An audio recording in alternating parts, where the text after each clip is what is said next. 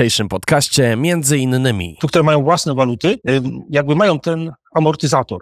Jeżeli chodzi o samą strefę euro, to, to jest pewien jakby program polityczny wspólnego banku centralnego, który jakby wysysa te właśnie poszczególne prawa suwerenne z tym związane w poszczególnych państw narodowych i właśnie tworzy się taka jakby potężna instytucja finansowa, bankowa, która chce po prostu jakby zarządzać całym obszarem Unii Europejskiej. Zasadzie można by być, można powiedzieć, początkiem procesu likwidacji Pols państwa polskiego. Tak jak mamy własne narzędzia, znaczy własny bank centralny, własną walutę, no to sami decydujemy, jak prowadzić tą politykę pieniężną, jak ją dopasować do potrzeb polskiej gospodarki.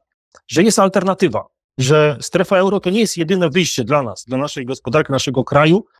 Tą alternatywą dla strefy euro jest po prostu suwerenność monetarna.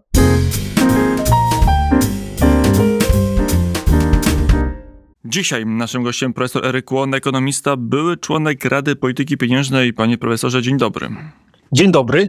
No właśnie od Rady Polityki Pieniężnej zaczniemy, od tego, czym zajmuje się i Narodowy Bank Polski, i Rada, czyli od własnej waluty. Panie profesorze, w świecie, który się globalizuje, w świecie, który zdaniem wielu ekspertów staje się coraz mniejszy, powiązania ekonomiczne coraz bardziej ścisłe, jest jeszcze miejsce na, narody, na waluty narodowe. Tak, jak najbardziej.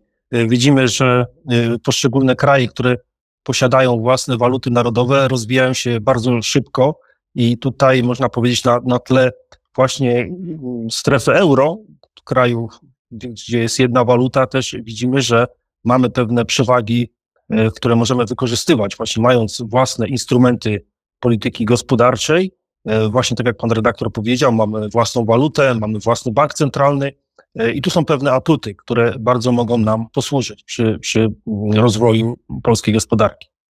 No ile jest tak, że ta własna waluta może się obronić w globalnym świecie, bo są też takie opinie, że małą walutę, słabą walutę, walutę nawet kraju średniej wielkości łatwo spekulacyjnie wywrócić. No, nawet można powiedzieć, że ostatni kryzys y, covidowy pokazał, że kraje, które posiadają własne waluty narodowe, własne banki centralne, y, poradziły sobie dużo lepiej od tych krajów, które pozbawiły się instrumentów monetarnych i posługują się wspólną walutą. Y, widzimy, że na przykład, no weźmy strefę euro tutaj już wspomnianą, zobaczcie Państwo, jak rzeczywiście bardzo trudny był to okres dla krajów strefy euro w czasie kryzysu covidowego. E, widzimy, że wiele krajów e, było w bardzo trudnych, trudnej sytuacji, wręcz w tarapatach, e, bardzo silna recesja, wzrost bezrobocia. I rzeczywiście te kraje miały dużo trudniej i jeszcze na przykład niektóre kraje jeszcze nie wyszły z, z, jakby z tej zapaści i nie odzyskały tej pozycji e, do tej pory, e, że dopiero do tej pory jeszcze od, odrabiają straty, jak to się mówi. Natomiast nasz kraj bardzo dobrze się przygotował. Właśnie uważam, że e, to, że mamy własną walutę, własny bank centralny, żeśmy bardzo, no to nam pomogło w momencie, kiedy i rząd wspólnie właśnie z bankiem centralnym przygotował pewne programy wsparcia dla gospodarki. I tutaj no, rzeczywiście okazuje się, że dzisiejszych czasach te instrumenty walutowe, monetarne są bardzo przydatne na ile jest tak, że te kraje, które weszły w różnego rodzaju unie walutowe na przestrzeni dziejów pieniądze, mieliśmy takich unii kilka, kilkanaście, jakby bardzo dobrze i bardzo dokładnie także poza Europą poszukać. Dlaczego tak się działo, że te unie walutowe prędzej czy później się e, rozlatywały, że kraje stwierdzały, że nie są w stanie współpracować ze sobą, chociażby no, najbardziej pamiętna z historii Unia Walutowa zwana Unią Łacińską. Y, tak, no tutaj można powiedzieć, że y, ta tematyka Unii Walutowej y, od dawna interesuje ekonomistów i nawet można tutaj przytoczyć przykład takiego noblisty Kanadyjczyka Roberta Mandela, który opracował nawet taką koncepcję właśnie, kiedy warto, aby kraje łączyły się w obszar jeden, jednej waluty, nazwał to optymalnym obszarem walutowym, gdzie po prostu jakby poszczególne kraje żeby e, miały korzyści z tego tytułu, z, takiej, z takiego wspólnego obszaru walutowego, no to muszą być spełnione pewne warunki. I on tutaj bardzo dobrze to pokazał w swoich pracach. Generalnie to takie trzy warunki tam, tam właśnie przedstawił. Znaczy mówił o tym, że cykle koniunkturalne między tymi krajami muszą być ze sobą bardzo mocno synchronizowane, to znaczy musi być podobny kierunek zmian gospodarki, to znaczy na przykład fazy, jak są fazy ożywienia gospodarczego, to powinny być we wszystkich tych obszarach, wszystkich krajach powinny iść w tym samym kierunku, że jak mamy na przykład prosperitę, to we wszystkich krajach mamy prosperitę, jak mamy fazę spowolnienia koniunktury, czy wręcz stagnacji, depresji gospodarczej, no to we wszystkich krajach jest ten sam jakby kierunek osłabienia się gospodarki. Natomiast właśnie tutaj Mandel zauważył, że jest to bardzo trudne do spełnienia, bo kraje e, bardzo czasami różnie właśnie nie da się tak, tak w 100% do, do, dokładnie dopasować tych cykli. Po prostu zawsze są pewne różnice. Też na przykład podał taki drugi warunek, no to podał, że kraje powinno być, reagować podobnie na jakieś szoki zewnętrzne, to znaczy jakieś na przykład szoki, czy to właśnie jakieś występują, e, czy no właśnie szoki naftowe jakieś, czy jakieś inne, jakieś niespotykane, czy na przykład teraz jak e, mamy e, szoki związane właśnie z cenami surowców, no i cenami wysokich, wysokie ceny nośników energii, gaz i tak dalej, to właśnie widzimy, nawet zresztą proszę zauważyć, że nawet tutaj w Unii Europejskiej, jak teraz właśnie, teraz było spotkanie, gdzie dyskutowano o tych szokach, no właśnie jak się przygotować, jak poszczególne kraje powinny zareagować, no to widzimy, jakie są spory, nie? Jedne kraje y, bardziej uzależnione od tych szoków, y, no właśnie od gazu ziemnego, tylko właśnie z Rosji, tak, no to zupełnie inaczej mogą zareagować i, i gospodarki, a inaczej, które kraje miały bardziej zdywersyfikowane źródła importu tego, tego surowca, tak jak Polska, tak? No i dlatego widzimy, Niemcy bardzo boleśnie odczują y, właśnie ten jakby brak surowców z Rosji, to znaczy jakby wycofywanie się z tego i dlatego one się ociągają i tak dalej, nie chcą jakby za bardzo przyspieszać tego, no a Polska właśnie widzimy, że sobie poradzi i zresztą to widać nawet po prognozach gospodarczych. Proszę zobaczyć, że y, właśnie spodziewają się ekonomiści w przyszłym roku w strefie euro, zwłaszcza w Niemczech, nawet re recesji, no w Polsce oczywiście też się spodziewamy, że spowolni koniunktura, no ale czy do recesji dojdzie? No miejmy nadzieję, że nie dojdzie. No raczej ekon większość ekonomistów uważa, że jednak e, uda się obronić, że, że będzie silne spowolnienie, ale recesji może nie będzie. Natomiast Pytanie, tutaj... ile tu jest roli własnej waluty i tej przewagi, jaką być może daje złoty polski, a ile jest naturalnych i prostych procesów konwergencji, że no Polska podłączona pod znacznie silniejsze i znacznie bogatsze gospodarki zachodnioeuropejskie, zwłaszcza gospodarkę niemiecką, siłą rzeczy przez jeszcze kilka, kilkanaście lat będzie rozwijać się szybciej, bo nadgania. Nie, to znaczy tutaj też taki przykład można podać, on też, ten właśnie Kanadyjczyk, ten Robert Mandel, właśnie podawał to z własnego podwórka taki przykład, bo on tam jakby też takie teorie tworzył, gdzie na przykład można by teoretycznie dopuścić e, Unię walutową między Stanami Zjednoczonymi Europy, e, Ameryki Północnej, USA, tak, a Kanadą. Nie? I tutaj e, tam on powiedział, że nawet gdyby wprowadzić jedną walutę między tymi dwoma krajami, to może się zdarzyć coś takiego, że, a przecież to są bardzo bogate kraje i Kanada przecież to nie jest kraj, raczej Kanadę zaliczamy do krajów tych tak zwanych krajów dojrzałych, czyli takich bardzo, dosyć bogatych, i no Stany Zjednoczone oczywiście hegemon i też bardzo bogaty kraj. E, I tutaj on tam rozpatrywał taką sytuację, że gdyby na przykład była taka sytuacja, gdyby nastąpił taki szok, jakiś niespodziewany na przykład spadek popytu na taki podstawowy surowiec kanadyjski, jak właśnie surowiec drzewny, tak, to na przykład e, ten szok by bardzo mocno e, odbił się na gospodarce kanadyjskiej, a dużo słabiej na Stanach Zjednoczonych. Po prostu dlatego, że i gdyby nie, gdyby nie było odrębnych walut, to znaczy na przykład jak by była jedna waluta, załóżmy dolar amerykański, to po prostu y, byłby bardzo silny spadek właśnie y, jakby tego y, surowca, znaczy spadek na ten surowiec sobie odbił się na jakby sektorze eksportowym Kanady.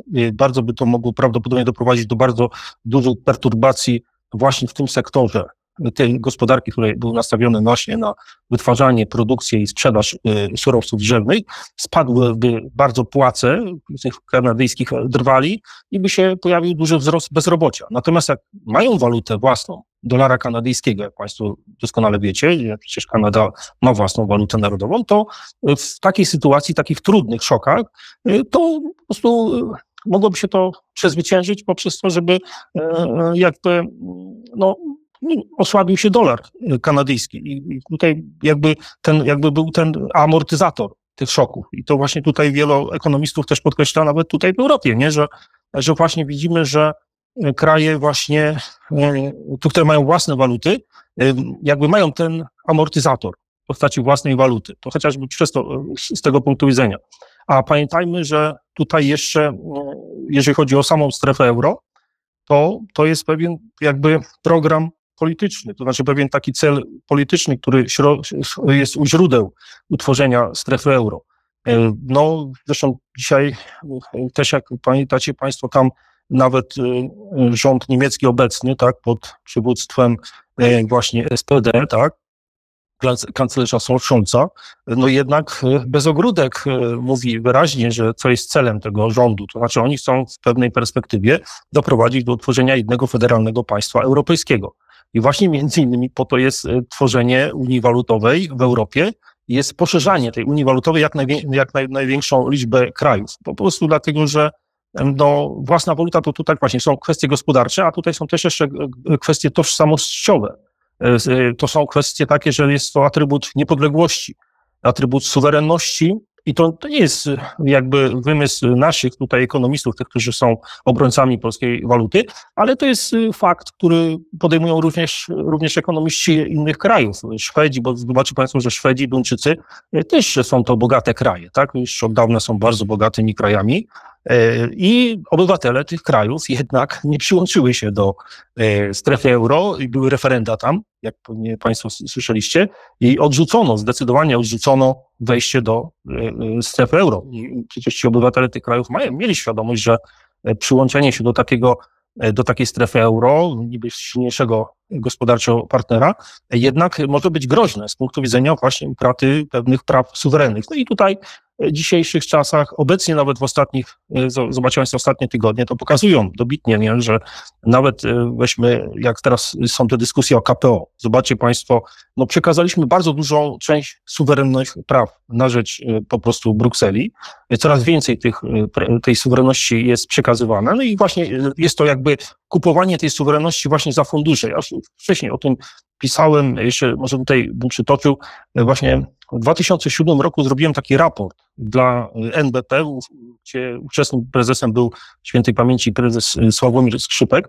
Już wtedy w tym raporcie, dlaczego Polska nie powinna wchodzić do strefy euro, taki był właśnie tytuł, tam właśnie zauważyłem to, że jest jakby przekazywanie, że strefa euro jest to pewien projekt polityczny tak naprawdę gdzie jest jakby przekazywanie tej suwerenności do organów właśnie wspólnotowych, e, do organów władzy monetarnej, właśnie tutaj do wspólnego banku centralnego, który jakby wysysa te właśnie poszczególne prawa suwerenne z tym związane e, w poszczególnych państw narodowych i właśnie tworzy się taka jakby potężna instytucja finansowa, bankowa, która chce po prostu jakby zarządzać całym obszarem Unii Europejskiej. No i tutaj e, właśnie już wtedy widać było, że e, jakie są, jakby są cele e, tej, tej, tej koncepcji federalnej, federalistów, tych właśnie zwolenników budowy jednego państwa w Europie. No i dzisiaj właściwie to się jakby realizuje ten scenariusz, jak widzimy. Nie? Że, więc tutaj, jak widzimy z KPO, no to są uzależnione pewne warunki, musimy spełnić, musimy jakieś tam kamienie milowe i tak dalej. Czyli są pewne warunki, no i właśnie uzależnianie dodatkowych pieniędzy od spełnienia pewnych warunków na rzecz or organów unijnych. Tak samo właśnie wejście do euro, do strefy euro byłoby też bardzo dużym ograniczeniem suwerenności naszego państwa i w zasadzie można by być, można powiedzieć, początkiem, e, początkiem procesu likwidacji Pols państwa polskiego, tak naprawdę. A z drugiej strony, to tylko panu profesorowi przerwę, parę argumentów przynajmniej jest przytaczanych przez zwolenników wejścia do strefy euro, bo jeżeli już odchodzimy od takich czysto teoretycznych konceptów, no to jedna jest dyskusja monetarna w Polsce, ta duża, czy wejść do strefy euro, czy nie wchodzić, innych pomysłów nie ma. No i ci, którzy są zwolennikami, aby Polska szybko, niektórzy nawet chcą bardzo szybko weszła do strefy euro, jest taka, że po pierwsze stabilna waluta, stabilniejsza niż złotówka, a po drugie argument, że chociażby dla konsumentów kredytów będzie taniej. Tutaj pokazują zwolennicy euro. Zobaczcie, jak niskie jest oprocentowanie kredytów tam, gdzie jest wspólna waluta, a jak wysokie jest w Polsce. Jak na takie argumenty pan profesor by odpowiedział? Znaczy, to, jest też ciekawy argument, znaczy, jeszcze bym chciał wrócić do tej koncepcji, ale to też odpowiem na to pytanie przed chwilą, co pan redaktor zapytał. Natomiast jeszcze mi się przypomniało taką rzecz, bo na przykład warto powiedzieć, że niektórzy ekonomiści tutaj, bo ja powiedziałem państwu właśnie o tej koncepcji Mandela, że odnośnie tej synchronizacji cykli, że wyobraźcie sobie państwo, że nawet niemieccy ekonomiści, niektórzy właśnie zwracają na to uwagę, że y, po prostu, że nawet y, w takiej y, Republice Federalnej Niemiec, tak, w Niemczech, tak, obecnych, tak, też można jakby znaleźć, jest trudno jakby sobie wyobrazić, żeby nawet poszczególne landy, na przykład tam oni zwracali uwagę, no, że jest taka Bawaria i jest Schleswig-Holstein, tak, i na przykład oni zwracali tu uwagę na to, że, że po prostu te są duże rozbieżności nawet między landami, i dochodzą do wniosku, że gdybyśmy chcieli jakby zachować pewną jakby taką mm, tutaj synchronizację, e, to, to by było bardzo trudne. Nawet w, w, w, po prostu w tych słabszych e, landach gospodarczo, e, po prostu jest to, jest to by było trudne i na przykład niektórzy z nich nawet postulowali, że, że trzeba by było w tych słabszych landach nawet wprowadzić odrębne waluty, tak, i odrębne banki centralne, gdyby, gdyby po prostu, no, chcieć wyrównać tutaj jakby tą, tą, tą rozbieżność. Natomiast wiadomo, nikt tego nie robi, no bo wiadomo, że oni chcą, bo waluta jedna to zazwyczaj się kojarzy z jednym państwem, z jednym narodem, czy z jakimś dominującym narodem, Natomiast tutaj w Europie. Zobaczcie Państwo, że strefa euro jest pewnym eksperymentem. Jest to jakby wspólnota taka, e, jest to ten konglomerat różnych narodów, gdzie są różne interesy, czasami sprzeczne. E, jedne narody oczekują zupełnie innych e, działań, mogą, znaczy mogą sobie na przykład życzyć innych działań od strony Europejskiego Banku Centralnego, takiego wspólnego banku centralnego i mogą być to oczekiwania bardzo sprzeczne. Niemcy, zobaczcie jak teraz jest, nie? że Niemcy właśnie, tak jak pan tutaj redaktor powiedział, że chcą właśnie Niemcy, czy w ogóle ta, te narody północne, tak, Holendrzy, chcą właśnie, żeby były szybciej podnoszone stopy procentowe przez EBC. Tak? A na przykład kraje południowe, właśnie typu Włochy, Holandia, e, Włochy, Hiszpania, Portugalia czy Grecja, wręcz przeciwnie, właśnie chcą, żeby stopy były stosunkowo niskie, tak jak teraz pan redaktor dotknął właśnie tej kwestii konsumentów, tak? Interesów konsumenckich. Właśnie, no właśnie ci, ci, ci mniej zamożni, oni się boją, że, że jak podniesie za bardzo stopy procentowe EBC, tak jak są Niemcy czy Holendrzy, no to właśnie spowoduje ogromną biedę właśnie w tych krajach i duże bezrobocie się pojawi. E, masowo ludzie przestaną spłacać kredyty i tak dalej. Natomiast tutaj jeszcze bym powiedział tak, że to jest ważne, e, tutaj też taki argument można podać, że nawet e, Związek Banków Polskich robił takie badania, e, nawet dla Polski, tak, czy, czy, czy innych krajów, gdzie zastanawiano się, dla kogo są te korzyści, nie? jakie korzyści są z tytułu przystąpienia do wspólnej waluty, do strefy euro. Na przykład oni zauważyli, że przede wszystkim korzyści ponoszą przede wszystkim duże korporacje międzynarodowe. One mają korzyści, natomiast konsumenci właśnie nie konsumenci właśnie cierpią, tutaj no, bo widać, że nawet e, w wielu krajach właśnie się mówi, że, że bardzo drastycznie spadła jakby siła nabywcza tych konsumentów. Właśnie w momencie, kiedy wejście do euro jakby kosztowało tak dużo, dużych e, jakby kraj musiał się przygotować do tej strefy euro, musiał spełnić czasami bardzo wyśrubowane warunki gospodarcze, i żeby się posługiwać wspólnym pieniądzem, a potem się okazało, jak drastycznie spadła siła nabywcza tych obywateli, właśnie zwłaszcza tych krajów słabszych. E, zobaczcie Państwo, jak na przykład Słowacy Wiesz, ja pamiętam, że moi znajomi na narty, no teraz właśnie mamy okres świąt i, i wiadomo, że wielu z naszych rodaków czasami myśli gdzieś tam wyjechać na narty. Wiadomo, że większość pewnie po Polsce jeździ po, po polskich górach i bardzo dobrze, to jest właśnie przy, przejaw patriotyzmu gospodarczego, ale są też tacy, no tam, ja pamiętam, że jak jeszcze Słowacja nie była w strefie euro, bo tam właśnie mi mówiono, no słuchaj, tam pojedziesz na narty, to są dwa razy tańsze, są te wszystkie noclegi, to wszystko całe jest bardzo tanio. No i rzeczywiście tam był wręcz szwach pękały te kurorty narciarskie na Słowacji, tak duże i zwłaszcza bardzo dużo Polaków jeździło. A jak a co się stało, kiedy, stref, kiedy Słowacja weszła do strefy euro? Właśnie drastycznie spadła konkurencyjność, drastycznie po prostu ucierpieli właśnie i konsumenci, i zwykli obywatele, bo E, czy właśnie ci cały, właśnie właściciele tych, tych małych czy dużych pensjonatów, czy jakichś ośrodków narciarskich, no po prostu drastycznie, po prostu często, a często nawet zbankrutowało wiele ośrodków narciarskich. I po prostu się jakby ten, ten, jakby ta przewaga konkurencyjna jakby znikła. Także tutaj trzeba być bardzo e, ostrożnym, ale odnośnie też kredytów też pamiętajmy, że na przykład Grecy też tak e, uważali, tak jak pan dyrektor powiedział, że no właśnie, przyłączmy się do strefy euro, bo tam jest niska stopa procentowa, to będziemy mogli taniej brać kredyty. No i potem zobaczcie Państwo, co się stało. Dramat. Po prostu oni właśnie brali też kredyty, Szczególnie na przykład rząd grecki właśnie wykorzystywał tanie źródła finansowania do e, finansowania swoich jakby wydatków e, rządowych czy wydatków państwa. No to potem się koniunktura się, kierunek wiatru się zmienił i drastycznie zaczęło po prostu się odwracać, te trendy się zaczęły odwracać. Wiadomo, że kurs walutowy ma zawsze dwa końce, tak, bo zobaczcie Państwo, że tam e, euro było na początku do dolara było korzystne, ale potem się po prostu ten kurs się odwrócił bardzo w złym, niekorzystnym kierunku, co po prostu drastycznie, to tak można powiedzieć, tak jak z frankowiczami było, nie? że też wydawało się, że, to jest tanio, kredyty frankowe są atrakcyjne, kilkaset y, złotych miesięcznie, te, te raty były tańsze, no i właśnie, ludzie się y, jakby złapali na to, skusili się, bo to, jak, ja pamiętam, że też jak ja też kredyt, bo kupowałem wtedy mieszkanie na kredyt, też mnie nawet e, e, prawie mnie nakłaniano tam, żeby, że po prostu, żebym wziął kredyt we frankach, bo, że tylko frajerzy nie biorą we frankach, bo po prostu jak ma, ma, masz 500 zł rapę co miesiąc mniejszą, to tylko frajer nie bierze. Nie? No i właśnie tak, tak po prostu niektórzy się niestety to złapali. I tak samo jest z tym euro. Też e, są pewne takie wzbudzane pewne wizje bardzo takie e, optymistycznie, skrajnie optymistycznie, co to będzie, jakie będą korzyści, e, niższych rat kredytowych i tak dalej, ale tutaj ostrzegam, nie, że, że też, proszę Państwa, to jest bardzo taka złudna można powiedzieć, obietnica. Y, generalnie bym Państwu nie wierzcie w to, bo jest, bo jest to bardzo y, lepiej po prostu mieć własną walutę, bo wtedy my sami tutaj kontrolujemy, jednak my wszystko mamy własne narzędzia, mamy własne organy i, i na przykład nasi, też taka ciekawostka, może też warto powiedzieć, że nawet jakbyśmy weszli do strefy euro, to byście Państwo nawet nie wiedzieli, jak nasi decydenci po prostu głosują bo to jest utajniane. Na przykład A to nas... tutaj przejdźmy, bo to jest też bardzo ważny wątek, który musimy poruszyć w naszej rozmowie. Panie profesorze, naszym gościem Marek Kłon, ekonomista, były członek Rady Polityki Pieniężnej. Panie profesorze, bo wejście czy wyzbycie się własnej waluty to nie tylko element, że będziemy płacić w euro, że być może będą niższe stopy procentowe albo inne e, niekorzystne czynniki się pojawią, ale to jest też wyzbycie się własnego banku emisyjnego.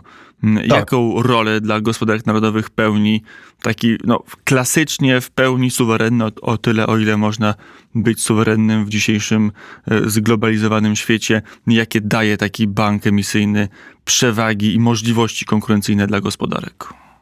Znaczy, no właśnie to, że jak mamy własny bank centralny, to nawet y, po naszych decydentach możemy oczekiwać, y, czy na przykład członka z RFP, tak, czy, czy członka zarządu naszego banku centralnego, że oni, jak będą prowadzić politykę gospodarczą, narodową, politykę pieniężną y, NBP, no to one, ta polityka jakby powinna, oni powinni służyć po prostu, y, y, są Polakami i będą tak starają się y, jakby prowadzić, żeby to służyło jak najlepiej polskiej gospodarce, tak? I tutaj też jest to bardzo ważne, bo jak na przykład byśmy weszli do strefy euro, to mielibyśmy co prawda swojego przedstawiciela właśnie w tym gremium decyzyjnym, to to by było z, z urzędu by to był prezes NBP, on by tam wszedł i też tam wiadomo, że jest kilkanaście osób w tym, w tym gremium, ale oczywiście głos naszego prezesa byłby tak samo ważny jak inne. No, wiadomo, że tam jest, będzie 17-18 osób poza prezesem NBP, no to wiadomo, że nawet jakby prezes NBP chciał coś przeforsować, jakieś ważne, ważną sprawę dla Polski, no to po prostu nie zrobi tego, no bo przegłosują go, tak? Więc tutaj większością go przegłosują, a tak jak mamy własne narzędzia, znaczy własny bank centralny, własną walutę, no to sami decydujemy, jak prowadzić tą politykę pieniężną, jak ją dopasować do potrzeb polskiej gospodarki. Natomiast tam w ogóle z natury rzeczy polityka pieniężna, tam raczej nikt nie myśli, to znaczy nikt nie myśli, no raczej ludzie myślą w kategoriach całego jakby obszaru strefy euro, obszaru walutowego że właśnie tak jak się zapytać tych decydentów, tych urzędników y, Europejskiego Banku Centralnego, to oni nam powiedzą, że nawet tutaj pamiętam, że taki y, poprzedni prezes, jeden z, z poprzednich prezesów y, Bundesbanku, prezes Welteke, powiedział coś takiego, że w jakimś tam wywiadzie go pytano, że, że no jak to jest tam z tymi, y, z tożsamością poszczególnych, tożsamością narodową poszczególnych członków y, Rady Decyzyjnej EBC. On powiedział, że nie, nie, nie, że tutaj, proszę Państwa, to jest nieporozumienie, bo on jak jedzie y, po prostu tam, to on y, już y, po prostu nie może myśleć jak y, po prostu jak o współpowiedzenia swojego, y, że jest Niemcem czy coś takiego, tylko po prostu musi patrzeć na ten obszar cały jakby. Y, Tak samo y, y, właśnie oni chcą, wprowadzają, ujednolicają wszystko, żeby, żeby myśleć w kategoriach właśnie jednego obszaru walutowego, w domyśle, tak jak powiedziałem, jednego państwa europejskiego, bo chcą zbudować jedno państwo europejskie. Natomiast my, wiadomo, że no, koncepcja zbudowania jednego państwa europejskiego, jak tutaj zresztą słusznie nasi politycy podkreślają, że właśnie no niestety będzie się odbywać kosztem polski, polskiego, po, po, polskiego państwa, no bo po prostu będzie oznaczać y, likwidację polskiego państwa, no niestety być, byliśmy, byś, byśmy byli po prostu częścią składową pewnego wspólnego państwa europejskiego, tak, czyli tego, nazwiemy to federalnym państwem, czy jakoś A inaczej. to jeszcze To po prostu- tutaj być mm, y, przerwę po raz kolejny, ale Tak. zastanawiam się, na ile byśmy na, na koniec naszej rozmowy pomyśleli sobie o roli, jaka może być mm, Narodowego Banku Centralnego czy emisyjnego. No bo my w Europie Zachodniej, czy w ogóle w Europie mamy takie pojęcie bardzo klasyczne, czasami bardzo defensywnej roli narodowych banków, które tylko i wyłącznie Tak. dbają o emisję pieniądza i o jego stabilność, czyli walczą z inflacją. No ale są też inne koncepcje, które zdobywają popularność, zwłaszcza na Dalekim Wschodzie, e, gdzie nagle to nie jest tylko to, żeby była niska inflacja, ale nagle m, może się okazać, że suwerenny, własny, narodowy bank m, no jest istotnym lewarem, jest istotną dźwignią rozwojową dla całej gospodarki. Jak e, pomyśleć o ewentualnym wyzbyciu się własnej waluty i zredukowaniu roli Narodowego Banku Centralnego w tym aspekcie, w aspekcie tych utraconych możliwości e, działania banków emisyjnych. No właśnie, tu można powiedzieć, że właśnie w tym raporcie z 2007 roku ja tam wskaz- wskazałem, bo moim celem wtedy, kiedy pisałem to, ja chciałem się przeciwstawić właśnie tym koncepcjom, żeby wprowadzić szybko Polskę do euro, bo tam były takie koncepcje wśród ekonomistów. Jeszcze poprzedniego prezesa NBP, którym był prezes Balcerowicz, oni po prostu, ta grupa związana z prezesem Balcerowiczem chciała nas jak najszybciej wprowadzić zaraz po wejściu do Unii Europejskiej. Oni po prostu stwierdzili, że korzystne byłoby, żeby jak najszybciej Polskę wprowadzić do strefy euro i przygotowywali raporty. Tam w NBP powstawały raporty, po prostu, które jakby zachwalały, y, po prostu pokazywały argumenty i tak dalej. I ja w tym momencie, kiedy obserwowałem to, bo się tym interesowałem, byłem na różnych konferencjach, tam jeździłem po prostu.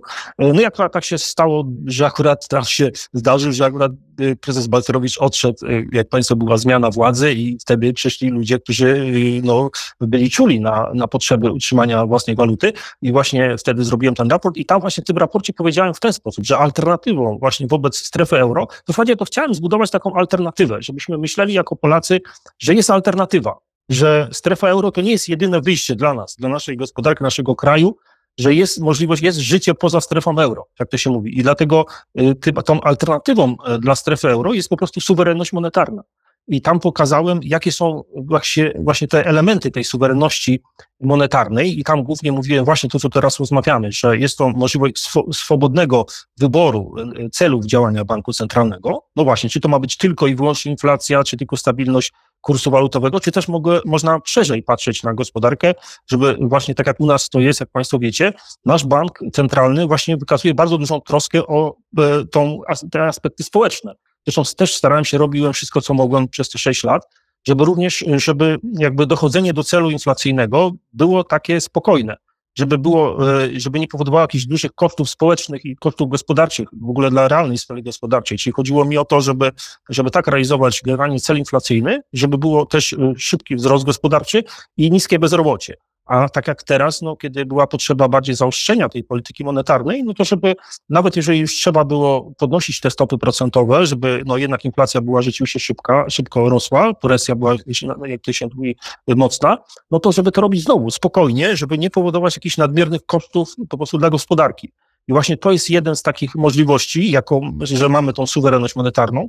E, Drugie, no to jest właśnie możliwość wyboru instrumentów i to są tam wielokrotnie też w swoich, w swojej działalności mówiłem, że właśnie te instrumenty niestandardowe, to znaczy, żeby również e, instrumenty takie, nie tylko stopa procentowa, nie tylko operacje otwartego rynku, takie klasyczne, te, czy rezerwa obowiązkowa, ale również operacje takie właśnie, te, te, te, te instrumenty niestandardowe, czyli po prostu za, e, z, również wykorzystywanie powiązań banku centralnego z rynkiem finansowym, z rynkiem kapitałowym, właśnie poprzez e, na przykład można w operacjach na przykład takich interweniujących na rynku bankowym można stosować nie tylko obligacje skarbowe, ale również obligacje na przykład korporacyjne, jak to robią inne banki centralne, na przykład mi się podobają rozwiązania Banku Anglii, tutaj pod tym względem, ale też na przykład trzeba powiedzieć obiektywnie, że EBC też robi pewne takie, na przykład skupuje obligacje korporacyjne, tylko że on skupuje w ten sposób, że skupuje głównie oczywiście tych krajów e, nie, nie, Niemiec, e, dużych firm, korporacji niemieckich, francuskich, Natomiast w naszym interesie nie jest robienie w ten sposób, tylko raczej skupowanie obligacji korporacyjnych, jeżeli już, to polskich. Polskich, nie tylko dużych korporacji typu na przykład KGHM czy PKN Orlen czy coś takiego, ale być może nawet średnich i mniejszych, tak jak na przykład Brytyjczycy to robią. Bardzo mi się podoba Bank Anglii, który właśnie które takie narzędzia stosuje. E, I też tam wielokrotnie powiedziałem, że można też pomyśleć o innych instrumentach, na przykład związanych z rynkami akcji. Tu znowu rozwiązania japońskie mi się podobają. Tutaj dłużej mówię, nie chcę tutaj za, za długo będę mówił, ale też na przykład oni stosują takie narzędzia, że poprzez e, tak zwane ETF-y, czyli takie specjalne fundusze, które lokują kapitał na giełdzie japońskiej, e, no po prostu też chronią właśnie w ten sposób tą część gospodarki związaną właśnie ze spółkami japońskimi. Moglibyśmy coś takiego zrobić dla polskiej gospodarki, dla polskich spółek, polskiego kapitału, czy polskich spółek proeksportowych, czy w ogóle takich branż naszej gospodarki, które są polskie i które mają szansę w ogóle na rozwój mają szansę. Ale mamy te wszystkie możliwości tylko mm, dopóty, dopóki mamy własną walutę własną? i niezależny tak. bank centralny. Tak jest, to znaczy mamy własną, własny bank centralny. I właśnie trzecia rzecz, to tutaj z tą niezależnością też trzeba uważać, bo właśnie, e, zobaczcie Państwo, że jest taki paradoks, ja pamiętam jeszcze jak, e, właśnie jako naukowiec, jako to tutaj nam podawano jako mantrę niezależny bank centralny, niezależny bank centralny, tak? Pamiętajmy, że niezależność to jest, można stopniować, nie? Że, że tu nie o to chodzi, że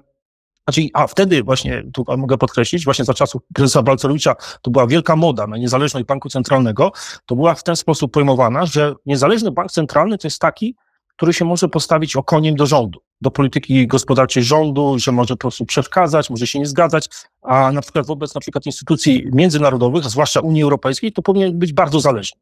Właśnie ja się z tym nie zgadzałem, zresztą do tej pory się nie zgadzam. Właśnie powinno być to takie coś, że niezależny bank centralny, ale który bardzo mocno współpracuje. Znaczy, że niezależność nie może oznaczać braku współpracy z rządem, z parlamentem, wręcz przeciwnie, właśnie tam pokazałem w tym raporcie, ważne dla, dla polskiego państwa spoistości, żebyśmy, że, zobaczcie Państwo, jak teraz na przykład Unia nas atakuje, ten sposób i y, y, wykorzystuje nasze słabości wynikające z, z, z, no, po prostu, że są, nie ma zgodności między instytucjami publicznymi polskimi. Oni właśnie w tym celu to robią, właśnie napuszczają opozycję i tak dalej, właśnie po to, żeby robić zamęt w Polsce, żeby łatwiej nas pokonać. Natomiast gdybyśmy mieli y, zgodne siły polityczne ze sobą, i to po prostu, czy, czy w ogóle instytucje publiczne, które by mocno ze sobą współpracowały, tak jak właśnie w tej koncepcji, to, to po prostu byśmy mieli łatwiej mieli sobie poradzić y, przed jakimiś atakami z zewnątrz, tak? I tutaj trzeba pamiętać, ale mimo wszystko uważam, że i tak się bronimy dobrze, i trzeba po prostu zachować, złoty jest po prostu bardzo ważną, jakby można powiedzieć, naszą racją,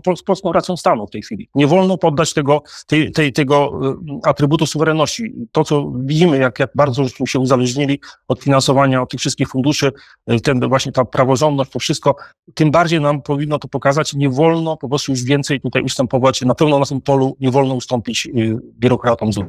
No powiedział profesor Eryk Łon, ekonomista, były członek Rady Polityki Pieniężnej. Panie profesorze, bardzo serdecznie dziękuję za tą rozmowę. Dziękuję, kłaniam się. A Państwu dziękuję za uwagę i do usłyszenia w kolejnym naszym podcaście.